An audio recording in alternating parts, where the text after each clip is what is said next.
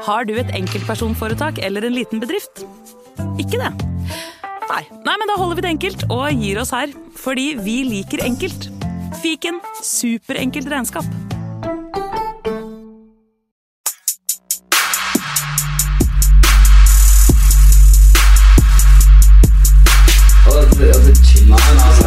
Nei, karer, hysj, hysj, hysj, er faktisk sånn at det kanskje er noen som har lastet ned dette her. sånn jeg oppfatter det. Nei, nå må vi bli ferdig.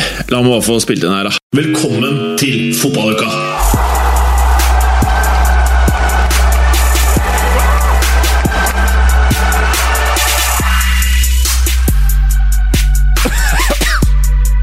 Å, fytti rakkeren. Det var høyt volum på ørekarer. Oh. Ja.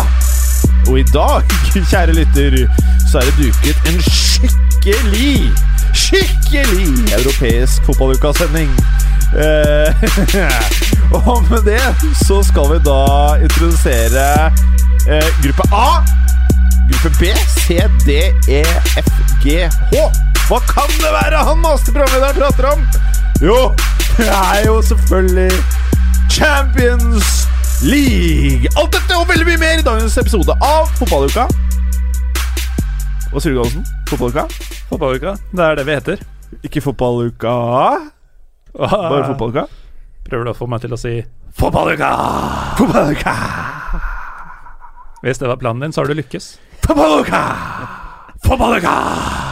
Ja, du nærmer deg, du nærmer deg. Tror å er medprogramleder så er det jo eh, fremdeles ikke spesielt bra, da. Jeg skulle tro du drev med dette her på fritiden. holdt jeg på å si. Ja, man skulle Programleder.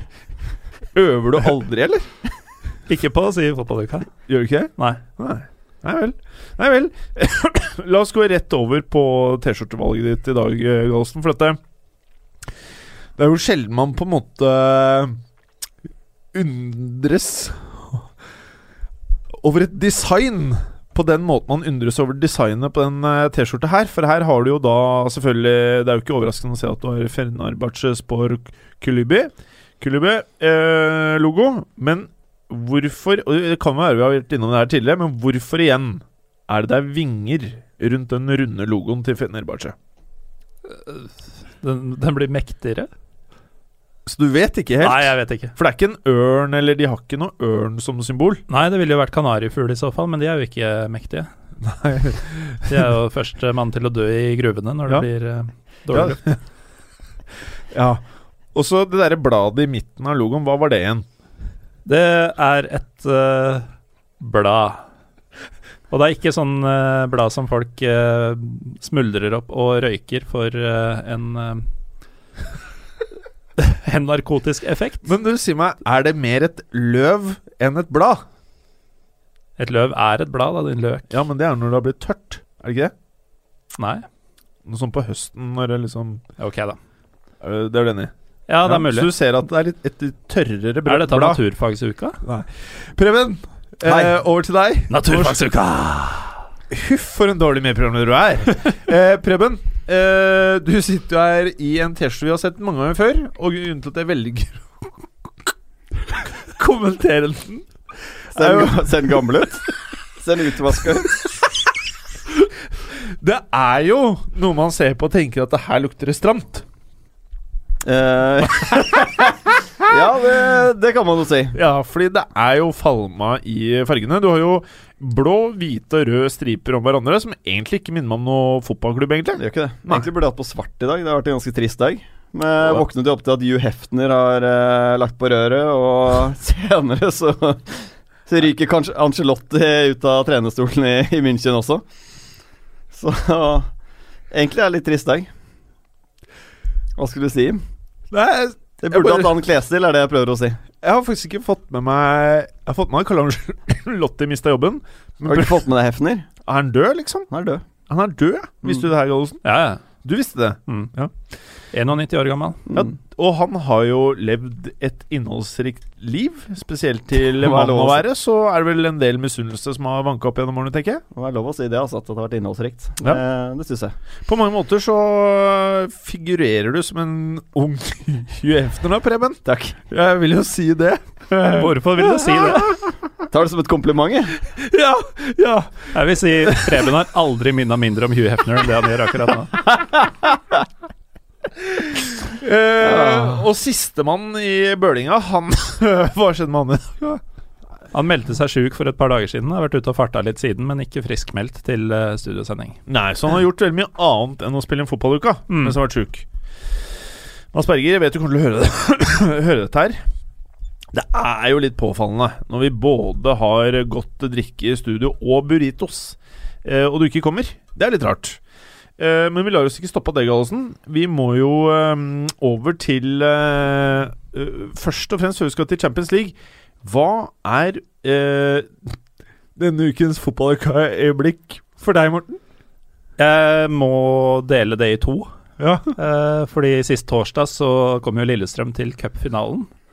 Eh, etter å ha smadra Molde 3-0 på bortebane. Ingen så det komme, og det er første gang på ti år vi har noe som helst å juble for. Ja.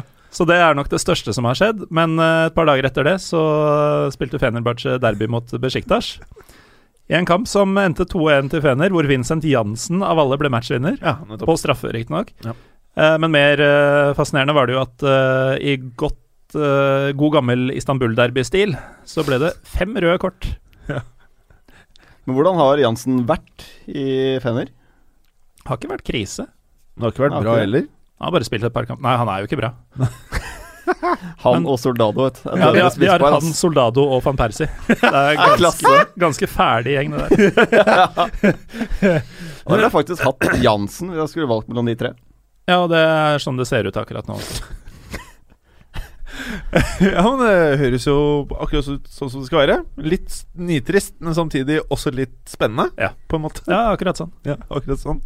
Eh, Preben, Ja. hva er ditt eh, fotballukaøyeblikk eh, denne uka? Det er jo Dortmund-Real Madrid-kampen. Ja, Det er jo den matchen jeg har gledet meg mest til i hele Champions League. Altså hele sesongen, egentlig. Nesten mer enn finalen også, som kommer helt til slutt. Det er eh, Hvert år så er det så utrolig morsomme kamper når de møtes, og spesielt den i Tyskland. Eh, rager hakket over den som kommer i Madrid senere, for min del. Ja, Og den eh, skuffet jo ikke. nettopp. Eh, og med det så kan vi jo gå over til eh, Vi kan jo bare si det da at dette her blir jo en Champions League-sending. Eh, og Galåsen, du har jo eh, valgt deg ut en liten lekkerbisken fra kampoppsettet her. Eh, hvor eh, CSKA Moskva, eh, Manchester United eh, eh, Hvordan var dette?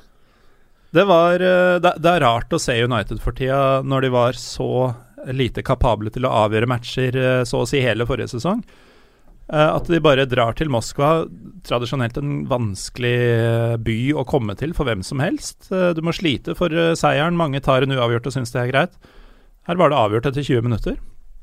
Og eh, altså, de har aldri tapt i denne byen, men likevel uh, vinner 4-1, og det er 3-0 etter en snau halvtime. Og det er uh, det er en gjeng framme på banen nå som bare leverer kamp ut og kamp inn. Som, uh, som virker å få en Hva er det du Nei, smiler så lurt for, jeg Prøver du å få meg ut av fatning? Nei, jeg klarte det rimelig bra. da. Ja, du mista det helt, du. Som medprogramleder så er det lett å vippe av pinnen. Ja, litt for lett. Ja, litt for lett vil mange si. Mm. Nei, men Denne offensive slagkrafta til United, da, som på mange måter var det store ankepunktet for bare noen måneder siden, er jo nå deres største styrke. Du har en Martial som ser bedre ut enn noensinne, omtrent. I hvert fall i den korte karrieren han har hatt. Eh, begynner å se ordentlig ut som den spilleren de kjøpte, og Lukaku har slått til fra første sekund. Og dette er spillere som virker å trives godt sammen. Nå var Martial involvert i samtlige fire skåringer. Han uh, satte straffe selv, han hadde innlegget til begge Lukaku-skåringene, og det var han som skøyt da Mkhitarian fikk en retur å sette inn. Så han var jo virkelig uh, i siget, og det er jo en spiller som tidvis har vært veldig frustrerende å se på. Fått til lite sluttprodukt, selv om det har vært mye fart og mye kule finter og sånn. Uh, nå virker det som han har skjønt hva Mourinho vil ha han. Det ser bra ut. Det jeg lurer på, er jo når Akim Fev skal holde nullen. Ja, det har han jo ikke gjort i Champions League siden et besøk på Emirates av alle steder i 2006. Ja. Da de, da de fikk 0-0. I den andre enden da, så hadde jo De Hea Det kommer ikke så klart fram av resultatet, men han hadde faktisk en fantastisk kamp. Eh, Ja, flere fantomredninger som han ble tvunget til, selv om det er en overlegen United-seier og flere av disse kom på 2-0 og 3-0, så så hadde han noen helt sjuke redninger som, eh, som f.eks. Liverpool-fans bare kan drømme om å se Mignolet gjøre. Ja. Men uh, det er jo, United er jo i rute, da. De uh, har full pott og solid målforskjell. Resten er vidåpent foreløpig, selv om Benfica har kommet særdeles skjevt ut. Jeg tror dette United-laget kan komme potensielt langt det, i årets Champions League. De er selvfølgelig avhengig av flaks, altså litt marginer på sin side hvis de skal komme helt til en semi. Og litt heldig med trekninga underveis. Ja. Jeg tror uh, får de Real Madrid uh, i åttendedelsfinalen, så blir det med åttendedelsfinalen uansett. Det skjer nok fort. Men jeg, jeg, tror de kan matche Atletico på en veldig god dag, på samme måte som Chelsea klarte det nå. Mm. Så de er uh, litt sånn outsider, i hvert fall. Og blir blant de åtte beste lagene, da. Ja. Det burde de ha god mulighet til å klare. Ja. Mm. Nei, Det virker solid, og det å møte CSKA på bortebane, det er jo ikke bare bare sånn historisk sett. Nei, det er jo ikke det. Det er kaldt, og det er uh, et ordentlig fiendtlig publikum. Det var uh, CSKAs absolutt beste performer denne dagen. Det var alle som sto og så på. Det var et vanvittig trøkk selv på 0-3. Ja, bra. Eh, I samme gruppe, Basel-Benfica, der eh, tikka det tidlig inn eh, mål. Ja, det slutta jo ikke å tikke heller. Nei. Foglerne veit hva Benfica driver med, så de tapte hjemme mot eh, det som United fikk til å se ut som et meget middelmådig CSKA. Ja. Eh, og nå ryker de 5-0 borte mot Basel. Ja. Altså Vi har jo kødda litt om at Basel kommer til å vinne gruppa fordi United er eh, der, og følgelig havner bak, men uh, Så bra er ikke Basel. Det er et eller annet i portugisisk fotball nå. At det er, virker som at Sporting er det laget som holder et brukbart, altså Ja. godt nivå. Resten bak der er eh, Ser jo Porto også, er jo ikke Nei, vi kommer jo litt tilbake Kommer til tilbake opptur for dem, men, men, eh, altså dette er en match hvor Benfica taper 5-0 mot et lag fra Sveits. Det er ikke Ja. sånn at de har kommet til eh, Camp Nou. De har kommet til eh, hva nå enn denne stadionet i Basel heter. Og de taper 5-0. I løpet av 90 minutter så har de ikke én avslutning på mål. Nei. Uh, det er jo helt vilt. Nå har de null poeng og 1-7 på to kamper, og det er mot de to antatt enkleste motstanderne i gruppa. Benfica var jo favoritten til å gå videre sammen med United, bortsett fra hos oss, som De skal til Europaligaen, skal på de ikke? default. Mm. Jo, men da skal de også jobbe, altså, for Ja, de, de er ligger jo som sagt sist. Uh, det er vanskelig å si hva som gikk galt her, men det er en god gammel, uh, litt sånn antikk kjøttkvern som bare maler sånn Du, du må liksom presse skikkelig med muskler gjennom hele, og så Og for dere lyttere, i studio nå så står det en tre meter høy mann som heter Gallosen, som driver og sveiver den ant antikkiske Antikske? Antikke. Antikkekvernen. Ja, den er sånn manuell, mekanisk jævel hvor kjøttet Ja. stopper opp litt og sånn. Sånn så- Og så setter bena seg litt Ja. fast i metallet. Det er litt som å bruke en sløv kniv og sløv potetskreller. Det gjør ekstra vondt for den som skjærer seg. I antikken så var det kanskje bare stein som malte kjøttet. Det var det nok fort. Ja. Uh, og så har du, bare for å gjøre sette prikken over i-en, så har du André Almeida som etter en times spill bare mister hodet fullstendig. Da ligger de allerede under 3-0, uh, så det var ikke Hadde ikke så mye å si, men det har jo litt å si for eh, altså karantenemessig videre. Men han mister jo hodet totalt. Eh, han får ikke frispark på en holding, og velger da å beine etter motspilleren og bare grisetakle den herfra til evigheten. Milevis unna ballen, og bare flaks at det ikke er ordentlig stygg skade på det stakkars sveitsiske offeret. Ja. Uh, uh, gruppe B Beklager. Gruppe B, Preben. Morten. Eh, Morten, mener jeg. Eh, PSG Bayern syns jeg vi skal starte med, fordi Hvorfor ikke Anderlecht Celtic? Eh, Jeg tenkte PSG, PSG Bayern. Dette er jo på papiret i moderne fotball blitt et toppoppgjør i eh, Champions League-sammenheng. Og eh, denne gangen så fikk det konsekvenser. Det kan du trygt si. Vi kan jo ta kampen først, og så konsekvensene etterpå. Kan vi ikke etterpå. starte med kampen, så tar vi konsekvensene etter Ja. å ha gått gjennom det? Kronologiske Ja. som vi er. Ja. Uh, det er jo Kylian Mbappés uh, store kveld. Uh, ikke den første, men kanskje den største. Han var med på alt som skjedde framover for PSG, og satte både Neymar og Cavani, selv om de to sistnevnte var de som skåra mål, eh, fullstendig i skyggen. Han herja så vilt med, med den han nå kom mot. Det spilte ingen rolle hvem, hvilken side han angrep på, hvilken bekk han var mot. Han er the real deal, han. han er the real deal, og Bayern hadde ingen motsvar mot han. Uh, så det var kan, kan, kan vi huske noen spiller på samme alder som har virka på det nivået her? Vi må tilbake til Messi, da. Messi Men var var sånn som der? 18-åring. Ja, han var, Han var det? han var sånn eh, Fra han var 17 og debuterte, så var Ja. han jo Det vil jeg si, men, talent. men han var jo fysisk veik Det var han. eh, på den tida. Det er jo Men ikke teknikk Mbappé. og hurtighet hadde han jo i Ja. Mbappé har jo teknikken, hurtigheten, eh, frekkheten, men også en ganske solid fysikk.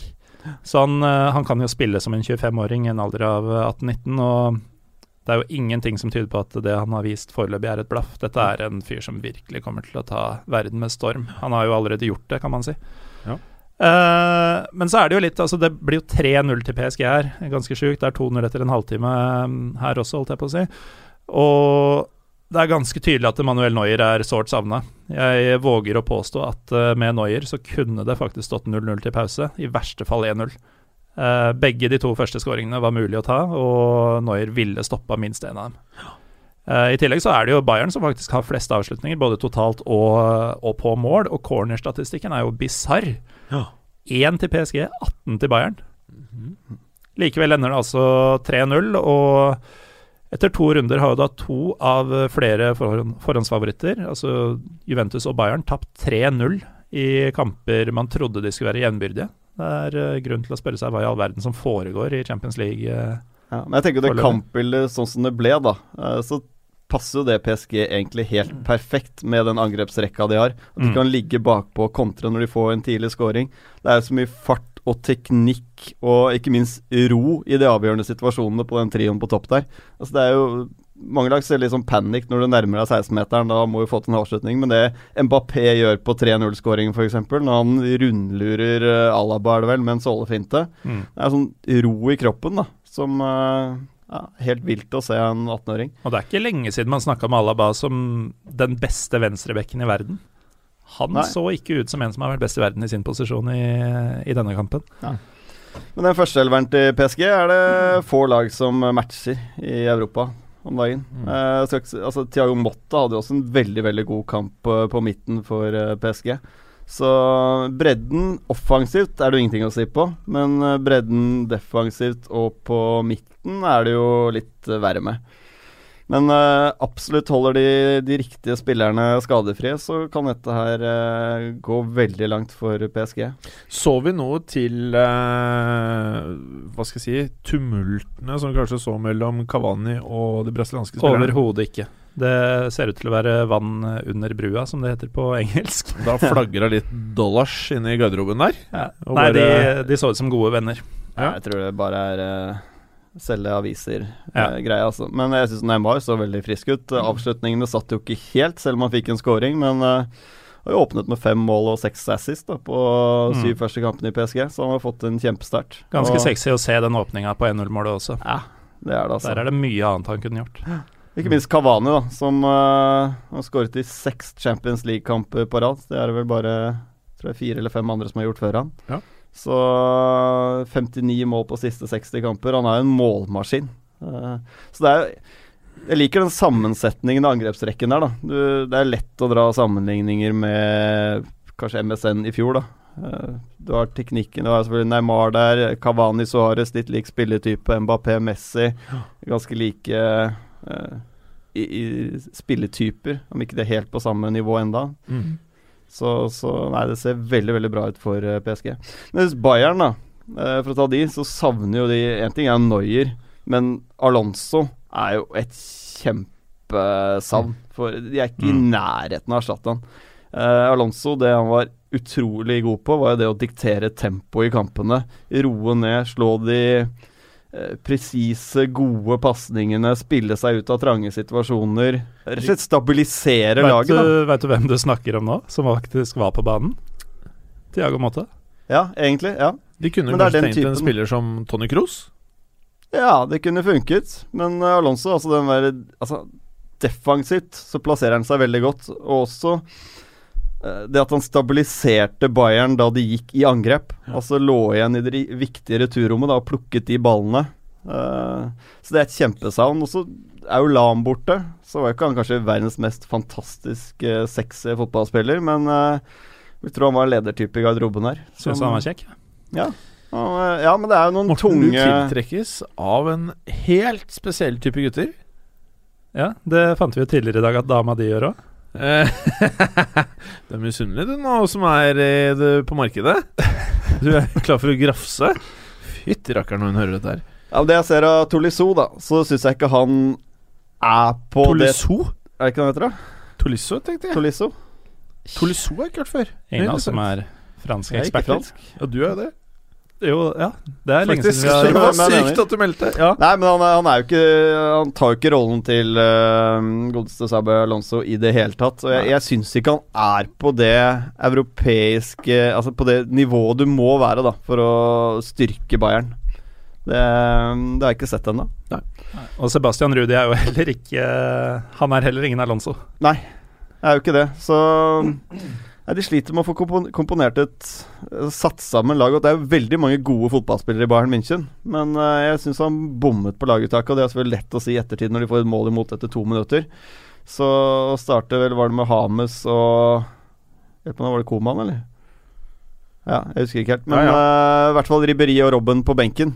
Og En av dem uh, burde kanskje ha startet. Men det er jo lett å si i ettertid, selvfølgelig. Men, men jeg tror ikke det er noen krise for Bayern, Fordi de går jo videre fra den gruppen her. Det må de- Altså Hvis de ikke slår ut Celtic og Anderlecht, så Der har, så de ingenting å der har de ingenting å bekymre seg for. Men krise i Bayern er det jo. For Det er det. Uh, dette fikk jo konsekvenser, som du var inne på. ja, det fikk konsekvenser at de tapte denne gangen, Ja, på en måte. det gjorde det. Ja. Hva skjedde? Eh, det var en trener som ikke fikk lov til å bli værende i klubben. Ja. Eh, Det virker som han ville være der, og så ville ikke klubben det. Det virker som om det har kommet klager på nivået på balleknainga til Angelotti. For nå ble han sparket i dag. Og årsaken som er oppgitt eh, fra Kan jo nevne at eh, Jan Åge Fjørtoft hadde sett eh, Han var jo på stadion og så Oli Hønes og Karl-Heinz Rummenigge etter matchen, og de hadde sett rasende ut, begge to. Og årsaken som er oppgitt for sparkingen, er jo da manglende resultater. Som er litt artig, i og med at eh, de vant serien med 15 poeng i fjor. Ja, det virker veldig rart. Og de taper jo her 3-0 mot et lag som har brukt 4 milliarder på to spillere. Det er jo ikke noe drittlag de møter på bortebane. Og det er ganske mange lag i Europa som kan tape 3-0 der. Barca tapte vel 4-0 der i, i fjor. Mm. Uten Neymar, med Neymar på sitt eget lag. Så jeg syns det virker litt snodig å gjøre den sparkingen nå. Men, uh, Men eh, det, vi prata om dette her, jeg husker ikke om det var forrige uke eller uken før, men da prata vi om at uh, det var spillere som hadde klaget på Anaslotti. Altså sentrale spillere, Müller, Lewandowski. Og det ble eh, Det virket som det var litt halvveis dårlig stemning. da presser det seg frem, selvfølgelig. Ja, så, Men da er det jo alltid dette spørsmålet, da. Når du sparker en fyr som kaller han Slotti, hva kan være en verdig nok erstatning? Altså Problemet nå er jo å få inn noen på dette tidspunktet av sesongen. Er det jo Sagnol som har tatt over å, å, å få ut en eh, så rutt kar som Carlo. ja, Jeg tror Willy Sagnol kan styre dette helt greit eh, frem til eh, jul. Eh, kanskje ut sesongen også, men eh, snakkes om eh, Tuchel, da. Men han er vel en type som kan eh, Se for meg at kan bli clinch med styrerommet. Det blir clinch i Dortmund, så blir det vel i hvert fall det. Det er ikke noe mindre sterke personligheter som sitter i styrerommet i, i München. Nei, Nils Henrik eh, Smith, uh, Josip Mahar-skribenten, han eh, skrev på Twitter i dag at å være Bayern-trener er en diplomatjobb i eh, stor grad, og da spørs det om kranglefanten Tuchel er eh, rett mann. Ja. Eh, det er vanskelig å ikke være enig i det. Eh, og det er jo mye som tyder på at det er interne stridigheter som er hovedårsaken til at uh, Angelotti går. Som, uh, som du nevnte, Preben, så var det et par ganske store navn som ikke fikk starte denne matchen, som, uh, som nok eh, har sagt fra både én og to ganger tidligere. Jeg har nok greie egoer, de gutta der. Mm. Så det med resultatene kjøper jeg ikke helt. Det er nok noe mer vi ikke eh, vet detaljene rundt som har foregått på bakrommet over lengre tid. Eh, De aller fleste Bundesliga-kjennerne jeg har vært i kontakt med, høres nesten ut som Berger og rapportene, eh, ble tatt på senga av denne nyheten. Så at resultatene som eh, oppgis som årsak, skal være årsaken, det, det stemmer ikke, rett og slett. Ja, det kan jo ikke gjøre det. Men det er vanskelig å se hvem de skal hente inn, da. Uh, er vanskelig å se at det skjer noe før neste sommer, av noen Ja. store navn. Altså, jeg tror den jobben her er for tidlig for Nagelsmann. Ja, at han den er den kommer tre-fire år for tidlig. Han er den eneste andre enn Tuchel jeg har sett nevnt foreløpig. Ja. Uh, Men uansett hva som skjer, så kommer Willy Sagnol til å lede laget på søndag mot eh, Hertha Berlin. Børste støv av Otto Rehagel eller uh Noen gamle storheter. Men det litt pussige er jo at uh, Sanjol ble vel uh, satt inn for at ikke Angelotti-teamet skulle bli for mektig. Og det er han av alle disse som blir satt til å ta over. Mm. Så enda et tegn på at det er, uh, er noe knust. Knust, ja. Uh, over til uh, toppoppgjørene i gruppa her. Anderlecht uh, Celtic. Fort og gæli så er det jo Celtic som vinner 3-0 i uh, Brussel. Brusa.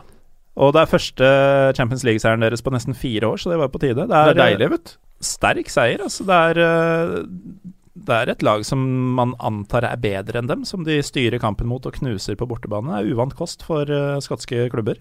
På mange måter ganske like drakter som T-skjorten til uh, Preben. Ja, hvis du ser bort fra fargevalget, så er det jo Spatan. Ja. Eh, men det er, uh, altså, det er nesten som om kampen om tredjeplassen synes avgjort allerede. For uh, disse lagene tar ikke mye poeng mot PSG og Bayern, og Celtic har en Anderlecht hjemme, og da 3-0 allerede innbyrdes. Morsomste med denne kampen for oss som ikke er Celtic-fans, var at dommeren het Jesus Gill.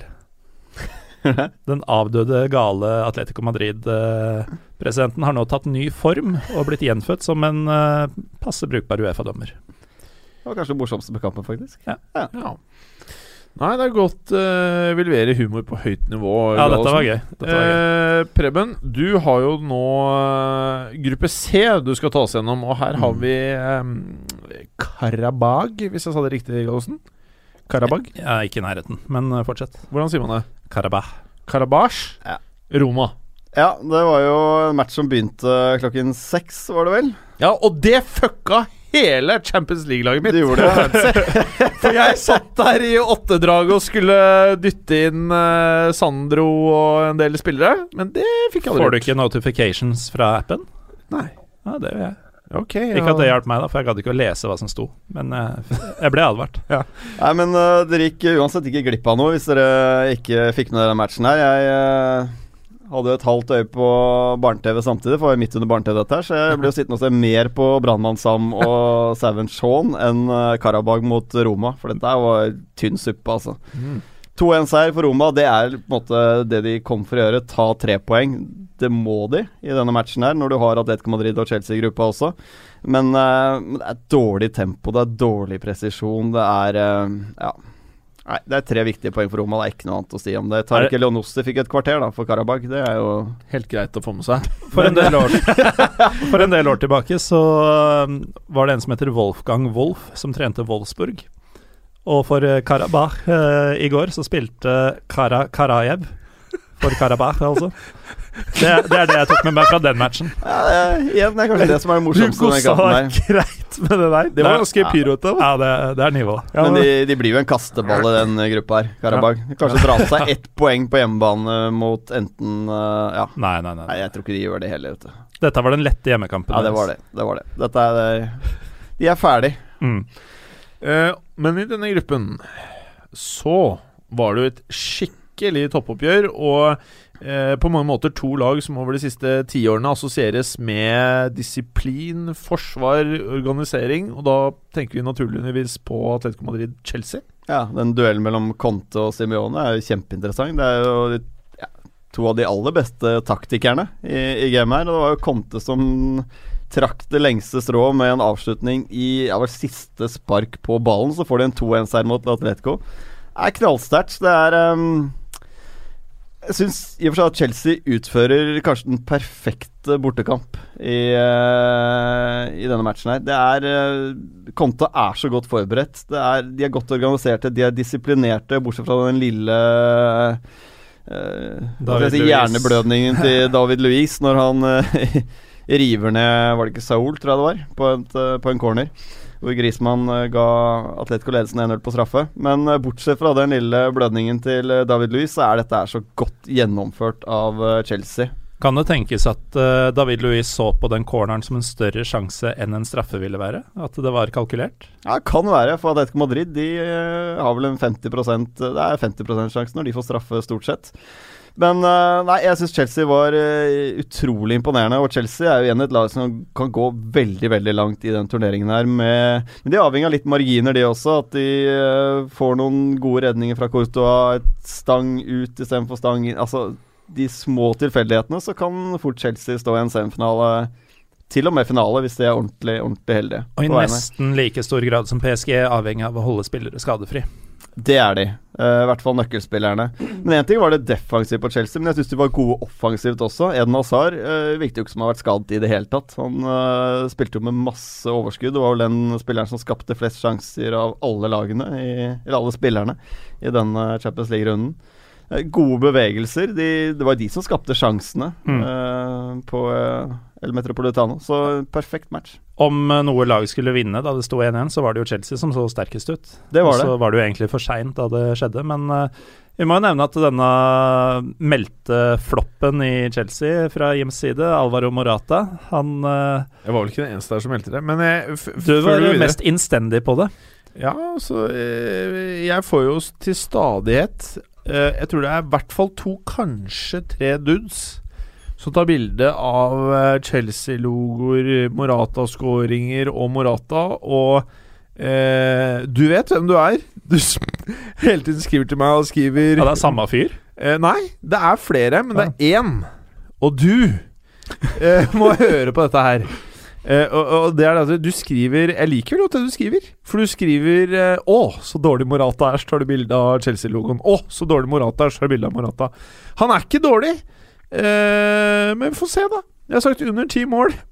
eh, i, I ligaen. Vi nærmer oss fort, men eh, kanskje klarer jeg det. Kanskje. Men jeg er imponert av Morata, altså. Det, Ja. Han har vært bra.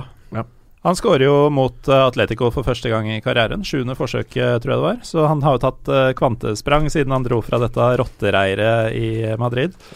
Eh, han blir jo da også tidenes første bortmålsskårer på Metropolitano. Ja, det gjør han også. Mm. Og selvfølgelig er Griezmann første Champions League-skåring på hjemmebane. Som han hadde første skåring i La Liga også, Ja. for Atletico Madrid. Men uh, må snakke litt om Michi Batshuayi også, da, som uh, skårer jo halvpart, halvparten av målene sine de siste ti minuttene for uh, Chelsea. Uh, skåret fem mål på siste tre, og dette var jo Det var bokstavelig talt siste spark på ballen. Ja, det var ikke noe spark etterpå. Nei, det var ikke det, nei. Så det er jo en vanvittig deilig seier når du scorer med siste spark på ballen. Altså, Det er ikke noe bedre enn det. Det var så Så- nydelig angrep også. Ja. Så det er Chelsea-toget. Altså, jeg blir altså, Jeg slutter ikke å bli imponert av Conte, egentlig. Nei. Hvor fleksibel han er taktisk. Nå var det en eh, Hva skal man kalle det? Hvis man kaller det en 3-6-1, en 5-4-1. Men det er noe med hvordan han setter sammen spillertypene, og hvordan han bytter spillere på nøyaktig riktig tidspunkt i hver eneste kamp. Nå satte han inn Christensen på slutten der. Altså, synes syns han gjør Altså, taktisk er det Jeg kan ikke komme på noen akkurat nå som matcher Antonio Conte, altså. Nå er det italieneren. Det er de italienerne, ass. De er eh, gode taktisk. Apropos italienere, Gallosen. Gruppe D. Mm. Juventus mot Olympiaco.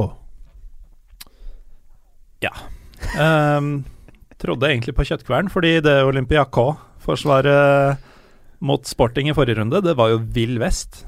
Ja. Det virka som de spilte med to stoppere, og resten var eh, offensiv midtbane. Uh, men her ble det overraskende slitsom dag på jobben for uh, Juventus. Det er full dominans, uh, naturligvis, men det tok lang tid, eh, nesten 70 minutter, før de fikk den forløsende skåringa og gikk opp i 1-0. Eh, og det er jo akkurat sånt Higuain er henta for, Uh, å være han som slår til når ting eh, går uh, trått. Han får åpninga, og ti minutter etterpå så setter man Jokic inn eh, 2-0, og de vinner til slutt komfortabelt. Men altså, kverna gikk og gikk, og de malte og malte, og de visste nok innerst inne at de ville få den til slutt, men de hadde nok ønska å bruke litt mindre krefter enn enn de gjorde. og det er en tøff kamp i Bergamo som venter dem på søndag, så de skulle nok gjerne ha kunnet bytte ut noen gutter tidligere enn de gjorde, osv. Men aller viktigst så var det jo selvfølgelig å komme tilbake på vinnersporet etter eh, slakten i Catalonia forrige gang. Og Barcas seier i Lisboa bringer faktisk Juve A-poeng med Sporting i kampen om plassen bak dem. Interessant dobbeltoppgjør mellom de nå Nettopp. de to neste rundene. Nå skal de møtes to ganger på rappen, og det vil jo avgjøre hvem som går videre. Barcelona er jo videre, kan man si. Ja, selv røykeren klarte ikke å forhindre tap for Sporting. Selv ikke han, altså. Matti var utpå der og prøvde så godt han kunne, men det var jo sånn, sånn kamp hvor Barca hadde De hadde jo full kontroll. Altså, det er De gjør det de må, egentlig. Det er Ja, vi bare glei over til den kampen, vi nå. Det, Ja. det var ikke Ja. så veldig mye mer å si om Juventus og Olympiaco. Ja, Olympiaco. Eh, blir 2-0, og Juventus eh, er på vinnersporet igjen. Barcelona veldig imponerende sist. Måtte også slite på uspektakulært vis eh, denne gangen. Det var egentlig en eh, Selv om de begge vinner og ingen av dem slipper inn, så var det en tung kveld for eh, både Barcelona og Juventus. Barca løsner faktisk bare åtte avslutninger i løpet av en kamp. Det er lite til å være dem. Eh, Messi var ganske usynlig, altså Mm. til han å være, da. jeg tror han fikk skrekken etter den Girona-matchen. Kan være det, altså. Opplevde å ikke få til noe som helst i løpet av en hel kamp. Eh, men de dominerte jo selvfølgelig, men skapte ikke all verden og stilte i praksis toppa lag. Og Hvordan var angrepsrekka der? det var vel uh, Sergi Roberto, i tillegg til de vante navna. Det er jo litt sånn hipp som happ hvem du dytter inn med Suárez og Messi der, føler jeg. Ja. Eh, om det er Vidal eller om det er Roberto Men eller eh, med Suárez nå, er det tap av Neymar som på en eller annen måte eh, påvirker spillet hans, eller eh, er han bare ute av form nå? Jeg tror det er skaden som gjør at han trenger å spilles i form. for det han sliter med nå, Han har jo litt sånn hva skal jeg si, mursteinmottak. sliter rett og slett med teknikken. Jeg syns han virker litt tung i ramma, rett og slett. Han, nei, men Den toppspeeden er ikke der. Han er ikke så sharp. Det virker ikke helt som toppfarten er her. Så, ja, men jeg tror, Han kommer jo selvfølgelig, men jeg tror ikke at han bare må spilles i form. Og jeg tror det er det Valverde gjør også. Han har fått spilt noen 90 minutter nå. Selv om han har sett ut som han var, har vært ferdig etter 60 minutter, så har han fått uh, spille 90. Så um, det kommer. Men uh, han var ikke noe god i den kampen her heller. Uh, selv å se en live for et par uker siden mot Español, da var han også svak, altså. Men det skal jo sies at det var Suárez som var siste Barcelona-spiller på skåringa. Det var litt uh, fram og tilbake mellom han og landsmann Sebastian Coates. Uh, ballen kjørte litt biljard mellom de to, og gikk via Coates og inn uh, like etter pause. Og det var befriende for Barcelona, fordi første omgang var frustrerende for dem. Det var uh, nesten helt fritt for sjanser. Og Sporting på sin side yppa seg for så vidt tidvis. Sporting er et litt kult lag, syns jeg. det er det. Ja. Det er mye bra spillere også. Eh, men det var ganske tydelig at disse ikke spiller i samme liga. Det, det var aldri tvil etter skåringa. Nei, jeg tror Juventus kan få det tøft, altså. Jeg tror Juventus eh, trekker det lengste strået her mot Sporting, men jeg tror det kan bli tøffere enn de egentlig ønsker. Nå som vi ikke har Berger her, hva er feelingen vår med Juventus i år? Er For at det, eh, For meg så mm, Jeg, jeg syns det er et eller annet som har skjedd. Jeg, jeg vet ikke om det bare er min innbilning av hvor stor Bonucci var. Denne eh, tilstedeværelsen av en sånn vinner eh, Bare, en, bare den den tryggheten han skapte i Forsvaret, og det at du visste at her møter du verdens beste forsvar. En aura da som er eh, borte, Mm. rett og slett. Og det, det tror jeg merkes både i garderoben og ikke minst selvfølgelig ute på banen. Og jeg tror at nå så er det ingen i eller rundt Juventus som vet hva stopperparet eller stoppetrioen er. Eh, Jeg syns det er en haug med relativt jevngode alternativer nå. Eh, og den, eh, den følelsen satt du aldri med da, da han var der. Nei, jeg, jeg føler at de var et bedre lag i fjor. Mm. Men selv om eh, nå har Dybala tatt mye mer ansvar, eh, det har han. Så han har jo skåret eh, vanvittig med mål i innledningen nå. Men det er noe med Juventus Ja. Det er fint at de er gode offensivt, alt der, men det er, jeg vet ikke om det bare er gammel vane å tenke sånn. Men jeg klarer ikke å bli like positiv til Juventus hvis jeg ikke vet at Forsvaret sitter. Nei, og så er det jo noe med Altså, de har hentet inn Douglas Costa, og det er jo Han er jo ikke en person som produserer veldig mye målpoeng. Eh, Det viser jo historien. Det er jo Han hadde i, i Bayern Det var jo ikke mer enn fem assist og fire-fem mål han lagde på en hel sesong. Mm. Bernadeschi har jeg aldri blitt helt sånn Helt imponert over, for å være helt ærlig. Jeg, jeg, jeg har sett ganske mye Fiorentina-kamper og syns ikke han har dominert eh, veldig mye av de matchene, som han kanskje burde ha gjort hvis han skulle vært god nok for Juventus. Han kan nok bli det på sikt. Jeg vet ikke helt, jeg. Jeg føler at de mangler et par brikker der. Mm. Og det er kanskje er det Bonucci-fraværet som uh, tar bort mye av tryggheten. Men det er eh, bare to år siden de så ordentlig dritt ut på høsten og endte med å være fullstendig overlegne bare de eh, kom på plass. Og Juventus kan jo bare bli bedre enn det de er nå. Ja, Det ville jo overraske om de ikke er i kvartfinale i Champions League. Mm. Er Ganske sikker på at de går videre fra den gruppen her. Spartak eh, Liverpool eh, Preben i gruppe E. Eh, er Liverpool-fansen fornøyd med dette her? Nei, det er det ikke. Altså spillemessig Men Liverpool er seg selv. Altså De fortsetter rett og slett å gjøre det vanskelig for seg selv. De dominerer jo kampen, og de, de burde jo vunnet dette her rimelig greit. Men det er jo et par hovedproblemer her, da. Én ting hvis vi begynner med det alle snakker bakover. Det har vi snakket om hundrevis av ganger med balanse osv. Men de har jo også noen keepere der som De tar jo ikke mer enn det de absolutt må. Uh, verken Mignolet eller uh, spesielt Karius, i hvert fall. Som jeg syns rekkevidden hans synes jeg er uh, altfor snau. Mm. Det frisparket det er godt frispark av Fernandin, uh, Fernando på, på 1-0-skåringen der, men den, den bør Karius ta. Altså, De Hea hadde tatt den. Offensivt så skaper de masse sjanser, men det er ikke uflaks at de ikke setter det. Det er udyktighet. Det er De mangler den roen foran mål. Det blir, uh, virker som det blir litt panikk når de spiller seg inn i boksen der, og det er ikke så kontrollert. Sammenlignet litt med hva Tottenham gjør da, mot Apoel borte, så er jo Liverpool vesentlig mer overlegne mot Spartak enn det Tottenham er mot Apoel. Men Tottenham har Harry Kane, som får tre sjanser, setter tre mål. Den spilleren har ikke Liverpool. De har ikke den uh, målskåreren som faktisk setter sjansene. Siste Salah for det innlegget, hvor han header midt på mål. Det er ikke uflaks, det er rett og slett udyktighet. Ja. Så det er noen uh, avgjørende kvaliteter. Vi snakker jo ofte om Real Madrid også, hvordan de er best i begge boksene.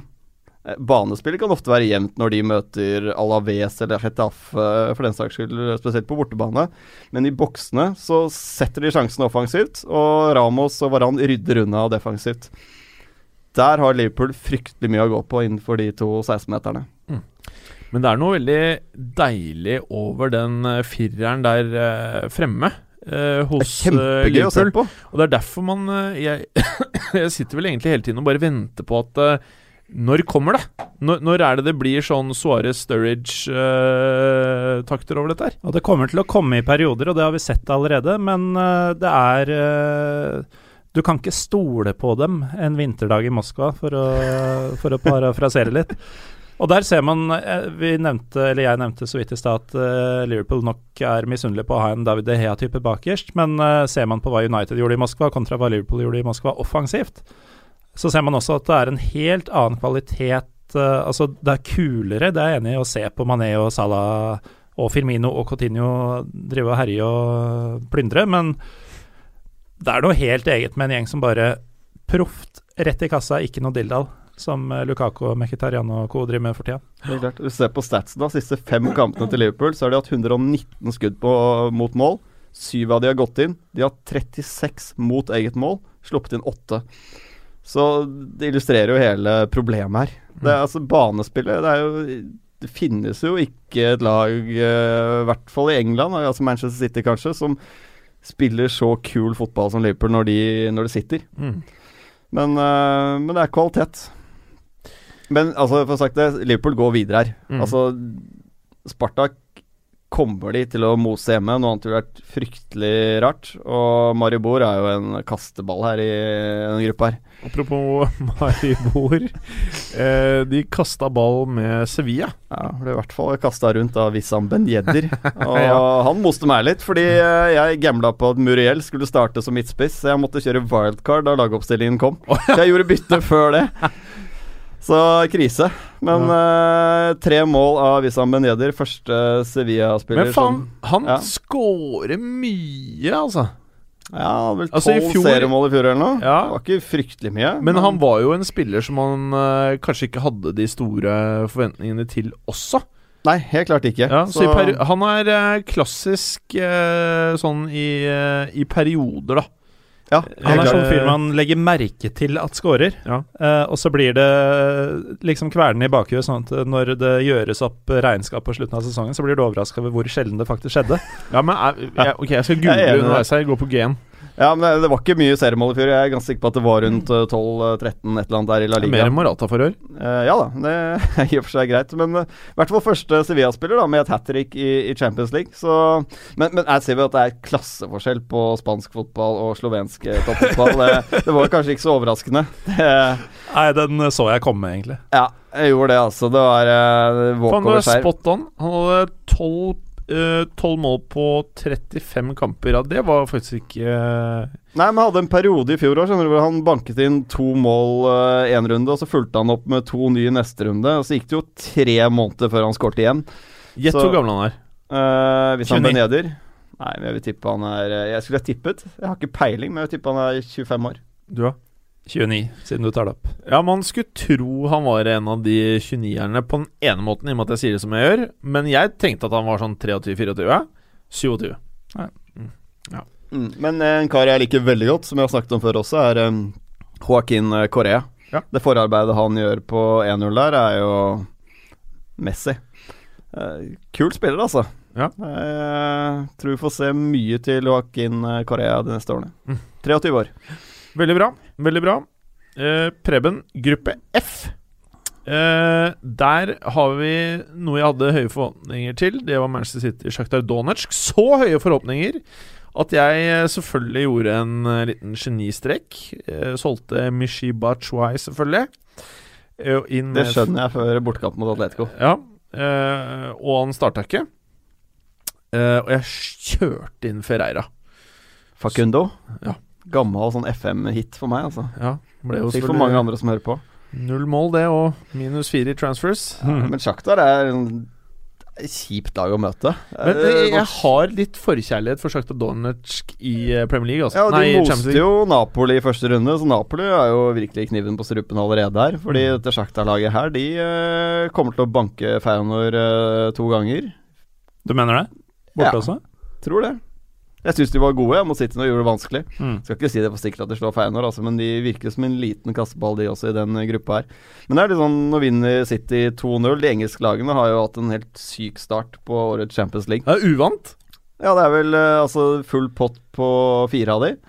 Eh, det er vel Liverpool da, som burde hatt full pott, hadde de eh, gjort som de fått den uttellingen Det er jo 2007 all over. Engelske lag herjer i Europa, og Lillestrøm går til cupfinalen. Vi har skrudd klokka tilbake ti år uten å merke det. Ja, Det er litt sånn gøy at de engelske lagene hevder seg da i, eh, i Europa. Det har jo vært fraværende en liten stund nå. Og dette City-laget er også et lag som potensielt kan komme langt i turneringen. Uh, men de har kommet, som sagt, de har seks poeng, de har tre poeng ned til Napoli. De uh, skal jo møtes nå, da, i noen dobbeltmatcher her, så det Ikke minst for Napolis del så blir det veldig, veldig avgjørende. City går videre her. Men Hvordan se, hva er status i City nå? at Mendy er skadet For Vi vet ikke hvor lenge. Jeg vet ikke om det har kommet noe. Nå sitter vi her på en eh, torsdag, så vi har vel ikke sett noe enda, men Det var eh, en journalist eh, på Twitter som mente å vite nøyaktig hvor lenge Mendy var skada. Men de tok han på ordet og sa at selv jeg veit jo ikke hva som er skjedd her. Nei. Så hvem, hvem faen er du? ja, Han har dratt til Barca for å sjekke det. Pep stoler bare på folk som bor i Barcelona, så han er sendt til eh, Barcelona for å sjekke det kneet. Men det kan jo potensielt bli eh, noen måneder, og da er det jo flaks at du har kjøpt tre svindyre bekker, da, ikke bare to. Ja, ja. Ja. Så, nei, men det er uh, godt gjennomført av City. Den siste skåringen jo ikke før uh, helt på tampen. Men Mm. uh, De Bruyne og Stirling sikrer seieren. Så god start. Bra. Eh, jeg leste vel eh, Pep Guardiola er jo en fyr som åpenbart legger folk litt for hat hvis eh, ting ikke er helt på hans premisser. Uh, og etter forrige Delf-skåring så gikk han jo ut og sa at uh, han syntes det var synd at han ikke hadde fått spilt mer i fjor. Eh, men at eh, han fort kan få en god sesong i år, er eh, Kan det være så sykt at, fe at Delf faktisk kan bli en brikke i City-laget i år? Ja, jeg tror det absolutt. Uh, han kommer til å få masse sjanser på den der venstre wingback-posisjonen nå. Og den tror jeg faktisk vil kle Delf uh, ganske bra, jeg. Han er jo en av få som kan spille defensiv midtbane i det laget òg. Ja, han, er, han er jo en taklingssterk eh, I hvert fall Han prøver å takle ofte. Om han treffer altfor ofte, det er jo en annen sak. Men han er jo en aggressiv spiller. Han har bra fart. Han har en eh, fin venstrefot. Kan fort hende at eh, svaret allerede på venstrebekk-problemet til Pep da har egentlig har sittet på tribunen i et par år. Han må åpenbart være en type som liker å ta imot uh, piskeslag, i og med at Pep uh, liker han så godt. Så han sitter være. vel bare og sier ja og ha, så gjør han det han uh, får beskjed om, da. Eh, jeg så på en gammel episode av eh, Sopranos i går. Tror jeg du skulle si fotballuka. Eh, har dere sett Sopranos, karer? Det har jeg. Ja, det må vel kunne sies å være noe av det beste som er produsert, ikke bare på TV, men eh, film også, holdt jeg på å si. Ja. Det er veldig, veldig, fint, veldig fin serie, Ja. Og nå si. Nå skal vi ikke dra dette her eh, til en IMDb-podkast, men da husker dere en fyr fra Napoli som heter Forio. Forio. Forio. Husker du Forio? Det var han som ble hypp på Carmela? Det er det som skje, skjedde i går, da. Men det jeg skulle si Han kommer inn i full Napoli-joggedress med den der ponytailen og Napoli-drakta under. Eh, og når jeg så den drakten, så ble jeg liksom minnet på hvor fantastisk mye kule fotballdrakter Napoli eh, stort sett har hatt hvert eneste år. Det må jo være den klubben med de feteste draktene. Altså, jeg er helt enig, jeg digger Napoli. Ja. Men det er jo noe med alt som er rundt klubben også. eh, med det mafiabyen, en gæren eh, leder i klubben. Det er uh... Og de, de trenger jo en sånn leder. En fyr som bare Når det kommer storklubber du skal kjøpe Fuck you, pay me. ja. Uh, jeg skal ha mye cash før du får Kavani. Jeg skal ha mye cash før du får noe som helst. Og det, det må man ha i moderne fotball. Må det. Og så er det et kult fotballag. De spiller vanvittig morsom fotball.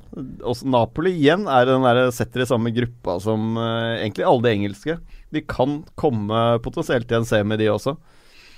Så mm, det er absolutt en av outsiderne. Men de, de fikk jo stryk da av Shakhtar i første runde, og de, de måtte jo vinne den her, og vant jo oppskriftsmessig 3-1. Men de, også de har jo en angrepstrio da, som er samspilte. Eh, alle de skårte vel også. Insigne, Mertens og Kayahon. Mm, mm. Så Men nå er det dette dobbeltoppgjøret mot City, da. Her kan de potensielt komme greit i bakleksa.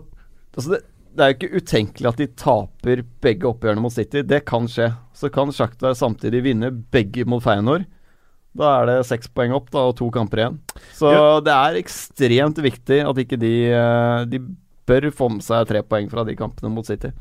Vi har en uh, lytter som uh, åpenbart uh, syns at Dries Mertens uh, er i god form, og som har levert ganske bra over en periode nå. Eh, hvor viktig er han for Napoli?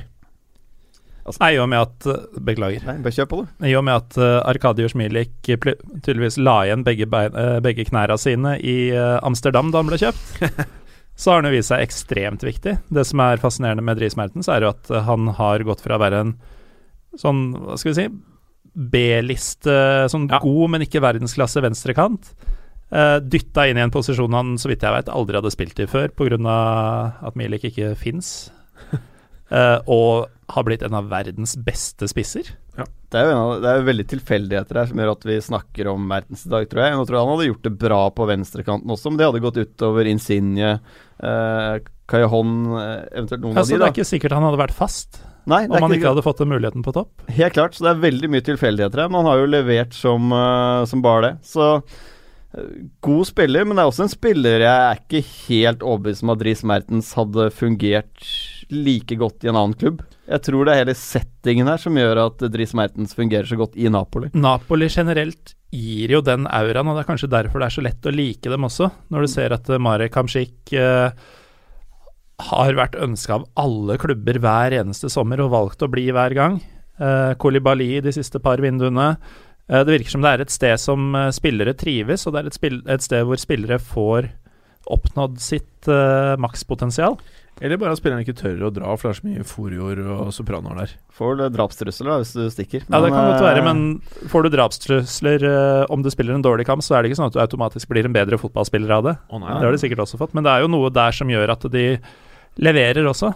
Og at Dris Mertens i en alder av 44, eller hva det var han var da han fikk spille spiss første gang, eh, leverer så til de grader. Og jeg må jo innrømme at da han begynte å putte hat trick etter hat trick rundt juletider i fjor, tenkte jeg at dette er uh, noe som varer i tre uker maks, og og så er han borte. Men nå er det gått nesten et år, og han hamrer dem fortsatt inn. Ja, og Napoli har blitt en klubb nå som uh, De kan ta Serie A i år. Det er helt klart. Mm. Og de kan også komme langt i, i Champions League. Det er ikke noen sånn åpenbar grunn til å forlate Napoli nå heller, annet enn penger. Så Nei, Mertens er bra. Bra. Bra. Eh, ja, uh, Gallosen. Ditt elskede eh, Bournemouth, er de Champions League? Ditt Er det Union Berlin? de elskede Monaco eh, møtte Porto. Var det en reprise av Champions League-finalen for noen år tilbake? Pussig at du skulle nevne det, men aller først så, så må jeg ta tak i at du bruker ordet 'elskede' litt lemfeldig her, altså. Eh, Å ja, sier du det? Jeg er ikke Men- så glad i Monaco, Du er fascinert. jeg liker fotballen. Det er jo et lag du heller litt mot. Ja, i konkurranse mot uh, PSG så gjør jeg det. Ja. Men uh, hadde ikke PSG vært den store stygge så hadde jeg jo gitt blanke i Monaco. Bortsett fra at de har spilt uh, en fotball som har trollbundet i eh, lengre tid. Så du elsker dem litt? Det er det du prøver å si. Alle, alle de fancy orda, du elsker dem litt. Men utenfor banen så er de veldig forskjellige fra type Napoli. Altså, Ja. her snakker vi 3000-4000 på tribunen, og egentlig en by som gir fullstendig faen i det laget. Mm. uh, men eh, jo, du nevnte at det ble en reprise Eller du spurte om det ble en reprise av uh, finalen 2004, og det ble det jo. Oi! Eh, så det var rart at du skulle komme på de tankene uten å vite resultatet, som du jo ikke Så gjør liksom når du stiller oss disse spørsmålene. Eh, ikke nå, i hvert fall, for nå vet du jo. Men uh, det var første gang de møttes siden uh, finalen i 2004. Uh, Bizarro-året 2004, hvor dette var Champions League-finalen og Hellas vant EM. Men da vant jo også Porto 3-0, som de gjør her, og det er jo et mesterlig comeback av gjestene etter det sjokkerende hjemmetapet mot Besjiktas i første runde.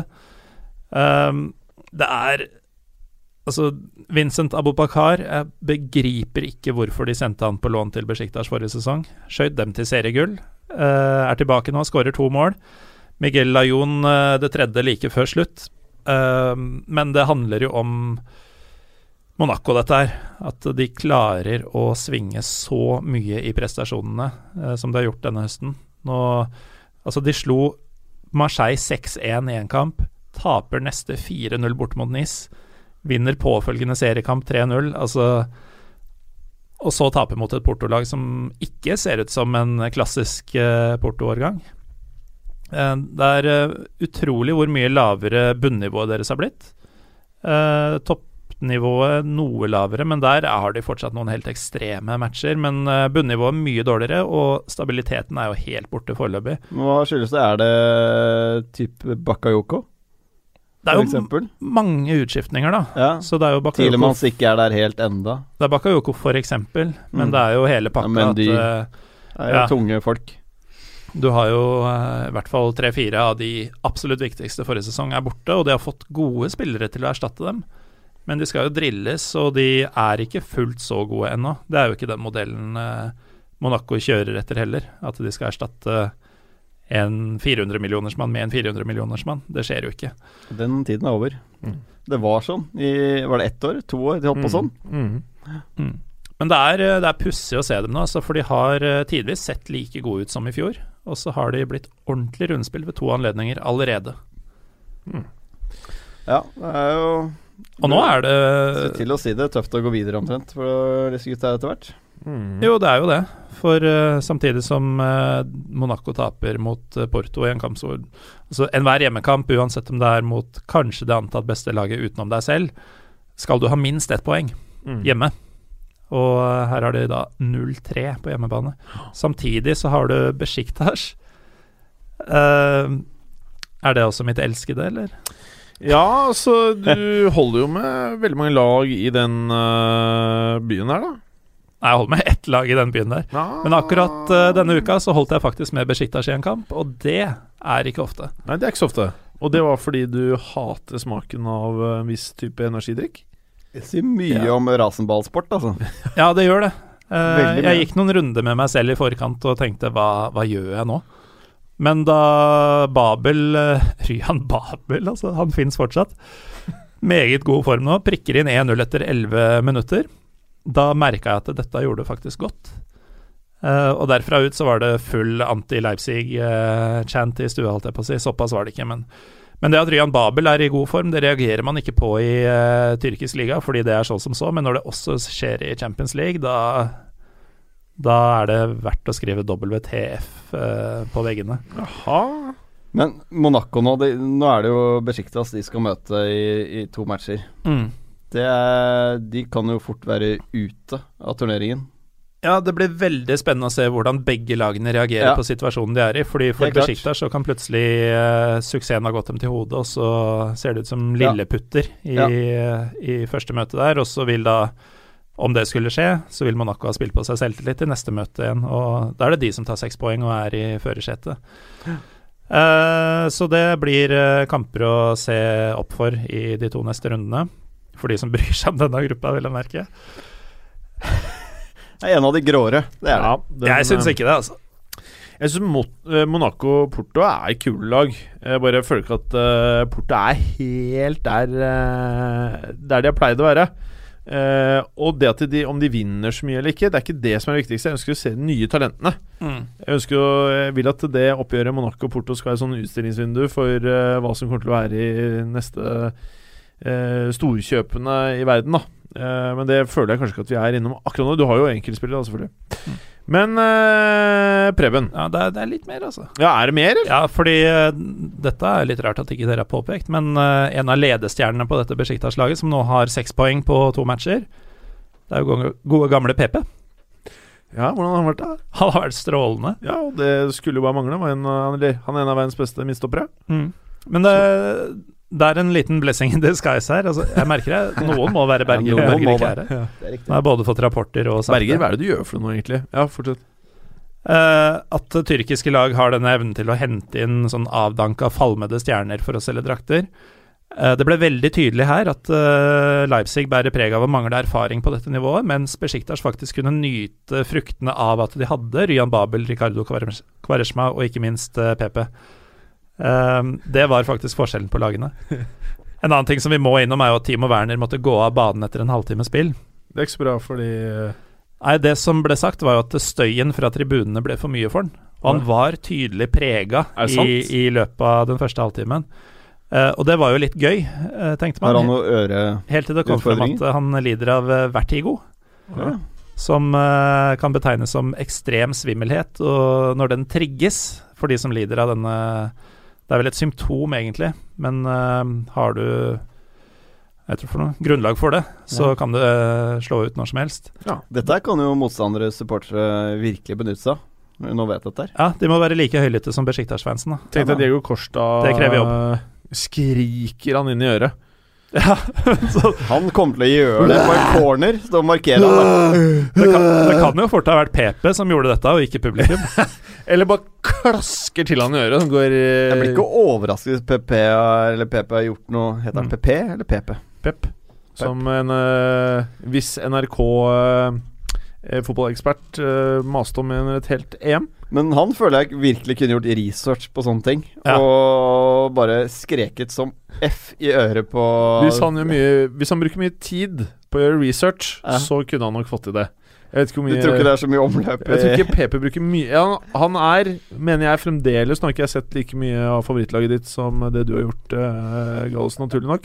Men eh, det er bare et år siden jeg mener at han var en av verdens beste midtstoppere. Og hvis du sier at han fortsatt er på det nivået, så har uh, laget ditt gjort en, uh, et varp. Det er ikke mitt lag. Et varp. Nei, men uh, mitt lag beseira dette laget, som jeg nevnte i introen eh, i helga som var. Og jeg kan nevne Ikke en, jeg kan nevne en sjuk ting eh, i den forbindelse. Jeg nevnte de fem røde korta. Det var også et tosifra antall gule kort. Nå er vi da tilbake på Fenerbahçe Besjiktas. En av få spillere som gikk på banen uten å bli havna i boka til dommeren. Det var Pep. Det var det. Shit. Ja, han har lært, da, tydeligvis. Ja. Ja, det er fint, det. Jeg føler du er ferdig nå, eller? Nå er det greit. Lagene? Nå er det Ja. greit. Gå til gruppe H, du. Preben. Morsomste gruppa. Ja Kan vi si det? Man må Hele kunne ymte frem eh, til det. Uh, Berger skrev jo Eller eh, det tok ikke lange tiden uh, før Berger skrev på vår private WhatsApp-gruppe Har Kane tatt det neste steget? Vet du hva, vi kan uh, se litt på statsen hans, så kan Og vi da kan vi jo jo nevne se. at det er stakkars Apoel. Det er stakkars Apoel her, og jeg var litt innpå det i sted. Tottenham var ikke veldig imponerende den kampen her. Altså, Apoel rysta jo Tottenham uh, ved flere anledninger, men så har de Harry Kane, da, som uh, kom på et nivå nå, i hvert fall foran mål, som er Det er skyhøyt. Og det var jo hat trick her. Det er syv engelskmenn som har gjort det før han, men det er ikke Det er en del, men det er ikke så mange som gjør dette her. Uh, tatt av 15 minutter før slutt. Fem mål på to kamper i, i, i årets Champions League. Han har uh, syv mål totalt på fem Champions League-kamper.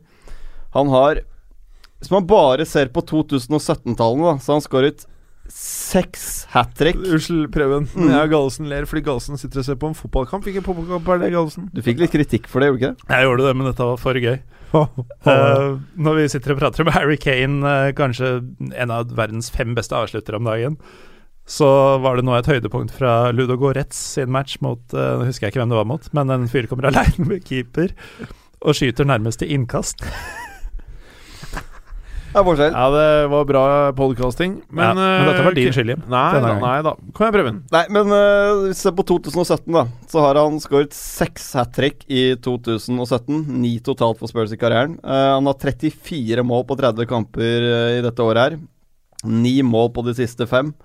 Um, I 2017 så har han skåret flere mål enn syv Premier League-lag har klart totalt på laget sitt. Altså Southampton, Swansea, Burnley, Watford, Stoke, West Brom og Palace. Han avslutter altså hat trick her. Første med venstre, andre med høyre, siste med hodet. Han er god avslutter med hva skal jeg si, alle kroppsdeler. Han øh, Et meget godt skudd. Altså er han iskald foran kassa. Og det jeg mener Hvis Liverpool hadde hatt den type spiss, så hadde jo de vunnet 5-1 mot Spartak. Ja. Um, så jeg syns det er vanskelig å si om Harry Kane er verdensklasse. Det Han er jo fortsatt litt den derre vi snakket om før da Thomas Müller-sammenligningen. Man, man vet ikke helt hva Harry Kane er god på. Uh, men jeg syns bevegelsen hans foran mål er det jo Det er ypperste verdensklasse. Han er jo alltid der ballen detter ned. Han plasserer seg helt riktig. Han er god til å trekke Forsvaret ut i uh, Ja, hva skal jeg si Disse kanalene på, på Trekke de ut da på, på sidelinja. Skape rom for Han er ikke noe egospiss heller, selv om han velger å skyte. Han er jo litt Ronaldo der, at han eh, er han på 20, så fyrer han. Han driter i at uh, Del Ali står uh, åpen på femmeteren. Men man må være litt sånn. Skal du ha 30 mål som, eh, i ligaen, så må du, du må gjøre sånne ting. Ja, men jeg, jeg syns det er foreløpig vanskelig å si at han er helt Jeg kan ikke si det bombastisk at han er helt der oppe, men jeg, jeg føler at han nærmer seg i hvert fall et Lewandowski-nivå. Men det var ikke så vanskelig å si hva han var god på likevel, da. Nei, altså det er jo foran mål, men han har jo ikke noe sånn ekst- Han har jo ikke noe kjempegod teknikk. Han har jo ikke noe Han er ikke ekstremt rask. Han er ikke ekstremt god i lufta, men uh, han setter jo sjansen da, når de Mm. kommer. Det er jo en grei egenskap da når du spiller spiss. Veldig flott, og i noen kretser så er det kanskje verdt 200 millioner euros, kanskje? Det har vært mye, men eh, det er jo altså Tottenham har fått en kjempestart nå med seks poeng, eh, og har jo da seks poeng ned da til Dortmund. Men en annen eh, kar som jeg har skrytt av mange ganger før, som må skryte av igjen, er jo Harry Winks. Som uh, jeg sier det, han kommer til å bli uh, Altså Porch kaller han uh, Porcetino kaller han jo Lille Iniesta. Ok. Og det viste han litt uh, pro på i den eh, matchen her også, med piruetter og ekstremt ballsikker. Mm. Så Kult. Jeg Nei. liker han ikke fordi han er så døvt navn. Harry Winks. Ja. ja. Nei, men det, Hva det skulle du kommer opp ønske han mye. het, Gallosen? Hva hadde vært bra nok for deg? Harry Gallosen. Ja, heller det. Ja, det ville jo mange argumentere imot, kanskje. Hvis det hadde vært en fyr som het Harry Har- Gallosen, han hadde jeg levna på sjanser i livet. ass. Da, da får du det tøft, ass! Det er trygd. Harry Gallosen. Trygd og hytteinnbrudd. Da, da går han av gjest i Pyro Pivo, da. Han er sånn reker rundt i hytte Altså i fjellet, bare bryter seg inn i hytter. Harry Gallosen. Harry Gallosen. Ok. Jeg hadde Det er nok en god prosentandel i en uh, som kanskje hadde gått for Wings. Harry Wings. Av de to alternativene, altså. Ja. Ja. Men det er et døvt navn. jeg syns Harry Gallosen eh, var enda døvere. Men uh, Preben, Tenk deg han Eh. sentral midtmann på norske landslaget. Harry Gallosen. Faen, nå må du bare peise på, altså. Oslo-losen har sikkert nevnt Harry Gallosen ved flere Ja, anledninger. ja. Han, han må fødes. Men uh, det sier jo litt om ligaen, karer, når uh, Dortmund ligger dårlig an i, De eh, i gruppen sin. Men Dortmund er ikke overraskende, og så minner jo de veldig om Liverpool. Eller Liverpool minner veldig om Dortmund, en av tingene. Men de, de sliter jo med akkurat de samme tingene. De har en eh, keeper som uh, Han tar ikke mer enn han må, Burki. Han har sluppet inn uh, på første stolpe nå mye avslutninger. Skal ikke laste han veldig da for den siste til Ronaldo, muligens. Litt sånn. Litt. Men uh, jeg syns han setter seg på rumpa også. Med en gang det kommer en avslutning, så går han ned. Ehm, så kunne Hvis du ser på Tehea, da, så blir han veldig ofte stående lenge. Bare står og står og står, og da gjør seg stor. Så Nei, jeg syns det er litt dårlig teknisk, rett og slett, uten at jeg er noen keeperekspert. Men uh, de, altså, de matchene her, jeg sa det jo i innledningen her, at Dortmund-Real Madrid er jo kampen jeg har gledet meg mest til Ja. i hele Champions League. Det er, altså, det er så høyt tempo. Det er Det var eh, sinnssykt bra.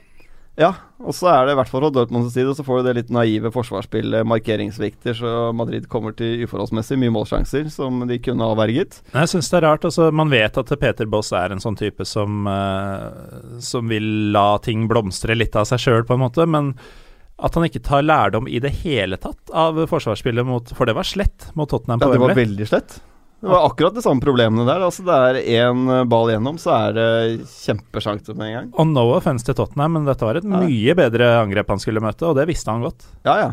Og det er, altså, det er jo klasseforskjell på Real Madrid og Tottenham. Det er det jo ingen tvil om. Ehm, men nei, det er, eh, det, er- det er gøy å se på Dortmund, akkurat som det er gøy å se på Liverpool når det ikke holder med disse lagene. Fordi det gir jo en underholdningsverdi som er. Det er gøy. fantastisk. Mm. Og det er jo enkeltprestasjoner, eh, i hvert fall offensivt, i ypperste verdensklasse.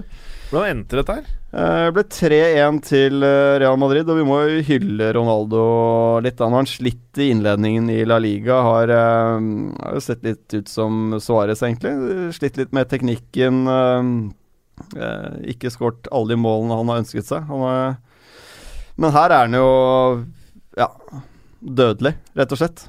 Han er, eh, han er jo kongen av Champions League. Eh, 411 skåringer nå i Altså var hans kamp nummer 400 for Mm. eh, Real Madrid. 411 mål, 111 assist, 42 hat trick. Altså det er noen tall som bare Vi har snakket om det før med Ronaldo. Altså det, det går ikke an å egentlig skjønne hvor sjukt dette her er. Det er et helt vilt nivå, altså. Og så er det jo enestående den der eh, mentaliteten at uh, han eh, La oss ta en parallell til gamle Ronaldo. Ja. Uh, I hans par siste sesonger i Real Madrid Det var jo ikke sånn at han var ræva, på en måte. Det, det, talentet var der, men du så han aldri så glad som Cristiano Ronaldo. Altså når Cristiano Ronaldo skårer, uansett hva det er, så om det er 5-0-målet, så Ja. jubler han like hardt. Da. Altså løper han i nett og henter ballen. Han skal Ja. ha en til. Ja. Det er det. altså, det, er, det er den mannen vi prater om her. Ja, Han er ikke helt Pippo Inzaghi. Nei. Pippo Inzaghi var jo sjuk altså, på de skåringene her. Han tok jo helt av og løp jo fire æresrunder. Han skåret syv 1 mål og sånn. Ja. Men uh, han er glad i skåringer, altså. Men, men Dortmund har uh, Det er vanskelig nå. De har null poeng. Det er seks poeng opp til uh, Tottenham, som jeg egentlig sammenligner med.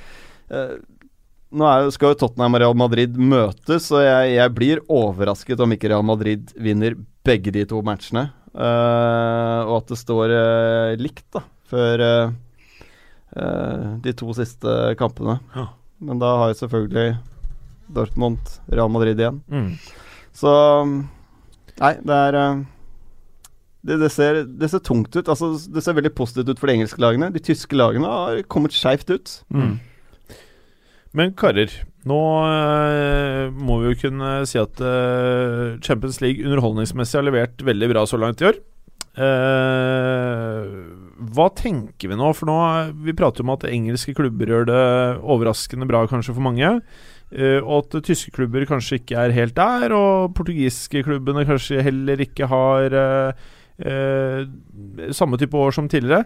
Eh, Hvilke klubber er det vi nå liksom eh, Etter vi har fått sett litt her, da. Hvilke klubber er det vi liksom føler eh, er de aller største favorittene, hvis vi skulle tatt tre lag? Vi har gått gjennom den drillen her tidligere, men vi har ikke fått sett så mye Champions League-kamper som det vi har gjort nå, selvfølgelig. Eh, Preben, for deg. Eh, hvilke Tre tre, klubber er det som nå er, er, er liksom helt i øverste sjiktet for deg? Har fortsatt eh, Real Madrid som eh, favoritt til å vinne Champions League. Så kan kan si at det har lugget litt hjemme. De har spilt tre hjemmekamper i La Liga, fått to poeng ut av de matchene. Men, men det er litt sånn når du har vunnet alt da over en ett-toårsperiode. Altså de alltid har vært med på, har de jo vunnet. Eh, så det er ikke helt unaturlig at det kanskje dropper litt. Det blir litt sånn complacency. Hva Ja, ja. ja, Du blir litt sånn fornøyd med det du har gjort. da Du senker deg kanskje 5 dette går av seg selv. Men jeg er rimelig sikker på at Real Madrid er der når vi snakker semifinale i, i Champions League. Mm. Uh, så er det vanskelig å komme utenom eh, PSG, sånn som de er nå. Det er uh, Og det snakket vi om før uh, på previewen vår eller også, tror jeg ikke, i, fått- i Champions League-sesongen, at Mm. PSG er kanskje de som er sammen med Barca. Er de som er nærmest Real Madrid. Så jeg går for de tre lagene der, som er de som har pekt seg ut som kanskje de tre beste fotballagene i Europa. Olsen? Jeg har eh, dessverre nøyaktig de samme tre. eh, og det som har endra seg fra før Champions League begynte til nå, er jo at eh, vi helt åpenbart har undervurdert eh, Barcelona. Ja. Eh, der trodde jeg krisen var mye større enn den har sett ut så langt denne sesongen. Men der har Valverde kommet inn og egentlig gjort en jobb som Altså en mye bedre jobb enn jeg trodde Ja, men- egentlig var mulig med dette laget. Fordi de, de ser ut som et helt annet lag nå enn det de gjorde. Faktisk i de to De tapte de to første matchene mot Real Madrid i, i, i spanske supercupen. Men etter det så har jo de, de ser ut som gamle Barcelona, da, med Altså det er mye med en enhet, da. Det er ikke bare Messi som må finne på noe for at det skal skje noe. Ja. Men det er jo tydelige hull i det Barca-laget også. De, de, de har jo ikke noe erstatter for Neymar. Det nærmeste de kommer, er jo kanskje Dennis Suárez eller Paulinho. Ja, er det noen som vil høre på hva jeg har, da? Gjerne. Ja. ja. Uh, jeg har jo selvfølgelig eh, Real Madrid. Og så har jeg selvfølgelig Barcelona. Uh, men jeg har faktisk ikke PSG der oppe. Selv om det er eh, e- egentlig det åpenbare man burde si, så har jeg nok fortsatt Juventus der. Du har det? Eh, Ja, jeg har nok det. Eh, og jeg vet at eh, når man begynner å komme ut i den turneringen her, så er det ikke nødvendigvis I motsetning til hva Berger mener. Det, jeg, jeg føler ikke at det alltid er de som har de beste spillerne fremover. Noen ganger så er det den rutinen og noe med det derre at du Noen ganger så jeg, jeg har sett italienske lag med oppstillinger jeg nesten liksom har sovna av, og allikevel så har det gått videre. Fra, Mot motstandere som har vært vesentlig bedre. Ja, på samme måte så vil jeg også trekke inn Chelsea, Mhm. som uh, en av de som er nærmest å pushe seg inn i en semifinale-finale. Mhm. Og det, det har mye med det defensive, hvordan Conte setter opp laget i forhold til motstanderen. Mm. Jeg tror eh, Chelsea kan slå ut uh, Barcelona, f.eks. Barcelona har de har én måte å spille på. Mm. Hvis Conte finner nøkkelen der, så kan de fort eh, slå ut et lag som Barcelona. Ja. Jeg tror de får det tøffere med å forsvare seg mot eh, Real Madrid når de er på, på topp. Mm. Men um, av de engelske lagene så er det jo Chelsea, uh, Manchester United, som jeg tror, grunnet det defensive, da, har best fundament da, til å nå langt her. City også, selvfølgelig. Jeg er ganske sikker på at Liverpool og Tottenham er de to engelske som ryker først. Mm. For Chelsea ville det nesten vært verre å trekke United enn Barcelona. Ja, Mhm. helt Mm. klart. Jeg Mm. tror eh, helt enig i det. At uh, for Chelsea så er, kunne de stått bra til en type motstander som Barca. Mm. Nå skal det sies at PSG begynner jo å få litt rutine med Champions League. Det gjør de. Eh, så eh, de er helt, helt, helt der oppe, og eh, på mange måter så mm, De skal gå ganske langt før dette ikke liksom i gåstegn er en skuffende sesong. Det er helt Altså- riktig. De må være i en semifinale, i hvert fall. Ja. Men selv om de har rutine, så har de også Altså, den rutinen har, er veldig sterkt forbundet med vonde opplevelser når det spisser seg til. Og akkurat sånt har jo gjerne en selvforsterkende effekt. Mm. Nå er det jo klart at de har gjort noen endringer i mannskapet som, som kan få dem ut av den eh, tankegangen. Men eh, man skal ikke undervurdere det psykologiske også, at de kommer til en kvartfinale, si, da, og vet at det, nå, det her vi alltid fucker opp. Og plutselig så trekker de Real Madrid i kvarten. kvarten. Mm. Altså, og da er det jo ikke noe skam å egentlig bli slått ut av det. Så føler jeg også at de har eh, des desidert høyeste risikoen for eh, implosjon eh, av alle favorittene. Og jeg hadde ikke blitt overrasket om den derre brassegjengen klarer å piske opp stemningen internt, eller at det er et eller annet rør som kommer. Altså, de har Det å signere Daniel Wes og Neymar i samme Det er farlig. Det, det kan skje ting eh, Og Du har Motta! Og du har Motta! Ja. Det, det kan skje ting. Eh, det virker som Galesen ønsker å si noe. Han viser meg fingeren, i hvert fall. det, det er litt pussig. Nei, jeg holdt opp begge. Å, jeg trodde vi ser. Akkurat som liksom Up yours. ja, jo, ja, jeg gjorde den til Preben, men eh, det trodde jeg ikke noen så. Jo da, vi, så, vi så det. Nei, men Det er litt pussig at du nevner det med Neymar og Alves. Fordi som vi sa da vi gikk gjennom PSG-matchen, så var det mye Neymar kunne gjort annerledes enn å finne akkurat Alves på det 1-0-målet. Eh, så akkurat det var litt symptomatisk for akkurat den forbindelsen. At Mm. han ikke valgte en enklere løsning, men venta venta til Alves hadde den ja, mer eller mindre beste posisjonen av de alternativene han hadde. Se for deg scenarioet hvor Daniel Alves skal beskytte Neymar i garderoben, hvor Tiago Motta forteller alle hvor skapet skal stå etter å ha en dårlig første gang. Så ender det med at Motta kjører en benk i huet på Alves, og så bare er helvete i gang der. Og, og sånne ting kan skje, for et, et, det er en gjeng der som kan eh, bli gærne. Ja, så er jeg usikker på Emery. Ja. Om han uh, er eh, sterk nok til å Mm. stå imot dette her. Er nesten så de burde henta en Angelotti nå. Det knader litt. Tenk om du hadde klart å kjøre en Diego Costa og Pepe der eh, i samme periode. da, da hadde du fått et lag, Ja, så er jeg litt spent på taktisk også, da, med Emery.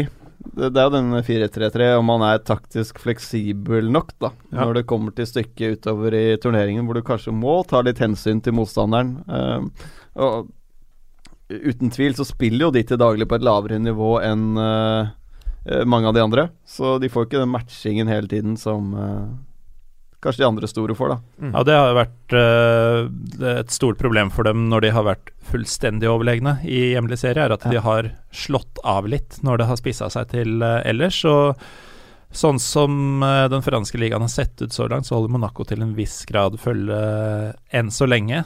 Men eh, det er egentlig ingen grunn til å tro at eh, det blir en kamp til døra, i hvert fall. Ja, det blir det neppe. Nei, men det, karer, er det noen siste ord i forhold til uh, podden i dag, Preben? Nei, egentlig ikke. Det er masse kult å se på i helgen nå, da. Mhm. I alle de store ligaene. Ja. Så det er bare å benke seg foran skjermen. Det er vel, eh, begynner vel på fredag kveld med noe Er det fransk? Litt Det er usikker. fransk, det er tysk. Det er Det er spansk til og med på fredag. Så det er jo bare å kjøre på med fotball hele helgen. Fredagene var liksom Det var, det var en tysk eh, 2030-match, og så var det ikke noe mer. Eh, men nå er det en jevnt eh, in, jevn internasjonal meny hver eneste uke. Når ikke de jævla landskampene kommer, da. Det gjør de jo snart. Ja, Det, det, synes jeg er litt dritt. Altså. med Premier League nå. Det er noen søndager hvor jeg sitter der og kjeder meg med kampene, altså. Men da Ja. switcher du bare over til italiensk eller fransk eller nederlandsk eller tysk. Da Det er sist må du streame, fint. riktignok, men Det er det som er så fint. Ja, jeg er helt enig. Ja, Men men jeg jeg syns. Premier League-oppsettet, når jeg får noe sånn her eh, West Brom eh, Huddersfield på søndag da- Spar meg. det er sjelden man får det på søndagene, vel. Det har vært det mye vært av det i år, faktisk. ræl, det var søndagen. Det har ikke akkurat vært supersøndag et par av de søndagene her. Det har vært skikkelig ræv. Ja. Kritikk! Kritikk! Og du som sender meg de der fæle Morata-snappene. Fortsett. Det er nesten litt gøy. uh, ja. Er vi ferdige, da, eller? Det Ja. jeg lurer mest på, uh, er hvor er Mats Berger? Ja, Det spørs om Det er, det er litt sånn som eh, skaden til Benjamin Mendy. Jeg tror ikke engang Berger veit hvor han er akkurat nå. han vet ikke hvor lenge han er ute. Og hvorfor har du på deg eh, en logo hvor det står Fenerbahçe når det skal stå Besiktas? For å gi deg Jim. Og med det så kan vi takke for i dag. Takk for i dag, Preben. Takk for oss. kan jeg bare si en ting. Ja, vær snill. Eh, Du er jo medprogramleder, så du kan jo det. Dere som eh, hører på og som holder til i Oslo-området, eh, inviterer jeg herved på eh, Pokalen torsdag 5. oktober. Veldig bra. For da skal Pyro og Pivo ha quiz. Ja. Den blir akkurat passe sær. Ingen som klarte å skjønne noen ting av de spørsmålene. Det blir ikke så ille som dere tror det blir. Det Jeg det. tror det blir ganske mainstream.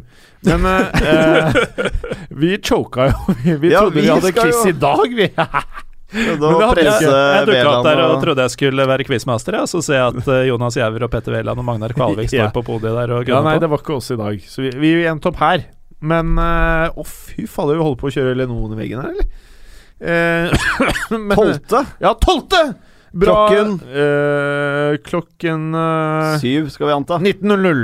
Dette betyr at eh, vi eh, har podder i regi av noen av oss i de neste to torsdagene. Helt Og- riktig. Mm. Det kan hende at det kommer noe onsdagsgreier uh, fra oss, da. Ja, noen onsdagssnacks, ja. Mm. Det kan det, altså. Men uh, det betyr, folkens, at dere må eh, møte opp, da. På Mm. Møte opp på Pyro Pivo. Ja, Altså, Gjør det. Gjør det. Eh, Møte opp hvis du ønsker ikke skjønne noe. Hvis du ønsker å sitte her og lure på hva var det han sa. Hvis jeg kan drive litt mer reklame, Ja, så er jo torsdager er jo Europaliga-dagen. Jeg sitter og koser meg med det akkurat nå, men jeg har vært flink til å ikke si så mye. Du fikk jo kritikk på Twitter, du sa Jeg, det. jeg gjorde det. Ja. Jeg kritiserer deg hele tiden for det. Ja, men det bryr jeg meg ikke om. Det er verre når lyttere gjør det. Kjære lytter. Du, Morata-mannen, begynn å sende noe til Gallosen. Send noe til Gallosen, de Du der skulle morsomme reklamere. Ja, ja, det er det vi skulle. Ja, nei, det som kan være lurt, er å høre på Europaliga-episoden. Den er på to timer av Pyro og Pivo, som kom for et par uker siden. Men det er, eh, har fått høre av folk som kan fotball bedre enn meg, at det var en fet episode. Og ikke minst, ett av svarene gir jeg faktisk uh, i den episoden. Med andre ord, Det er noe som kommer fram, som jeg sier, dette kommer på quizen. Med andre ord, ikke hør på denne episoden, for det er juks. Vi skal gi noe svar vi neste torsdag Ja. til vår pod. Ja. Nei, vår ja, quiz. ja, det skal vi gjøre. Bra, Prem! Bra! Nå stjeler vi fra den fæle podkasten! Det er bra, det. Vi skal det er det. veldig bra, ja. Og dere lyttere, dere vet jo hva dere må gjøre. Ikke neste torsdag, torsdag 12. torsdag 12. Der er vårs! Og torsdag 5. er det meg! Ja, der er deg. Uh, ja, der er Det deg. er to torsdager på rad, ja. Ja, jo. Spørs hvor stor del jeg tar i fotballuka sin. Ja, du, Det får vi se. du blir trofé. Du blir premien. En kos med Gallosen. Vandrepokalen. Ja, men det Men eh, det var veldig hyggelig. Jeg var jo innom eh, denne La Liga-lokka-quizen. Ja. ja. Litt fordi jeg trodde det var oss. Ja. Eh, og fikk jo møte opptil flere lyttere som eh, kom med lovord om arbeidet vi driver med. Arbeidet vi driver med, hva mener du? Eh, nei, det vi sitter og gjør akkurat nå, f.eks. Syns, Det var det noen som syntes det var bra? Jeg blir litt overrasket når man hører det. det er faktisk uh, en veldig bra podkast vi har her, karer. Hva sa disse folka? Møtte du Morata-mannen? Det veit jeg ikke. Det var ingen som introduserte seg som det. Nei. Men uh, nei, det var opptil flere som uh, likte både fotballuka og den andre. Ja, men så fint, da. Ja. Uh, og Kristoffer, som jobber i moderne media, eh, han eh, var jo uh, i regien, altså jobbet i kulissene på quizen i dag, og han mente at uh, Petter Wæland, Magnar Kalvik og Jonas Giæver gjorde en strålende jobb, og at folk hadde det jævla gøy. Ja. Så det kan jo være bli gøy femte også, men tolvte, da blir det jævla gøy! Det gjør det. Ja, klokken 19.00 eh, på pokalen. Det kan hende at dere vil ha det før, altså, fordi jeg tror det er en Europaliga-torsdag. Og de begynner 19.00, noen av Og prøver å finte fotballpublikum ut. Men jeg tror ikke fotballuka-publikummet ser så mye på Europaligaen, tror du det? Nei, jeg tror fotballpublikum er opptatt av øl, mat, Champions League og fotballuka. Det er et annet ord for øl. Pyro. Pyro. Nei. ja, med det så er vi ferdige. Takk for deg, Preben. Takk, takk. Takk for i dag! Møte opp Uh, Vent, da. Når er det igjen? Møte opp på pokalen 12. oktober for å få med deg fotballuka kjøre quiz. Ha det bra. Og den femte, for deg kjører Pyro Pivo-quiz. Ha det bra. Takk for at du hadde høre på. Vi er Fotballuka på Twitter, Facebook og Instagram. Følg oss gjerne. Men bare få høre. Den tror jeg blir litt fet.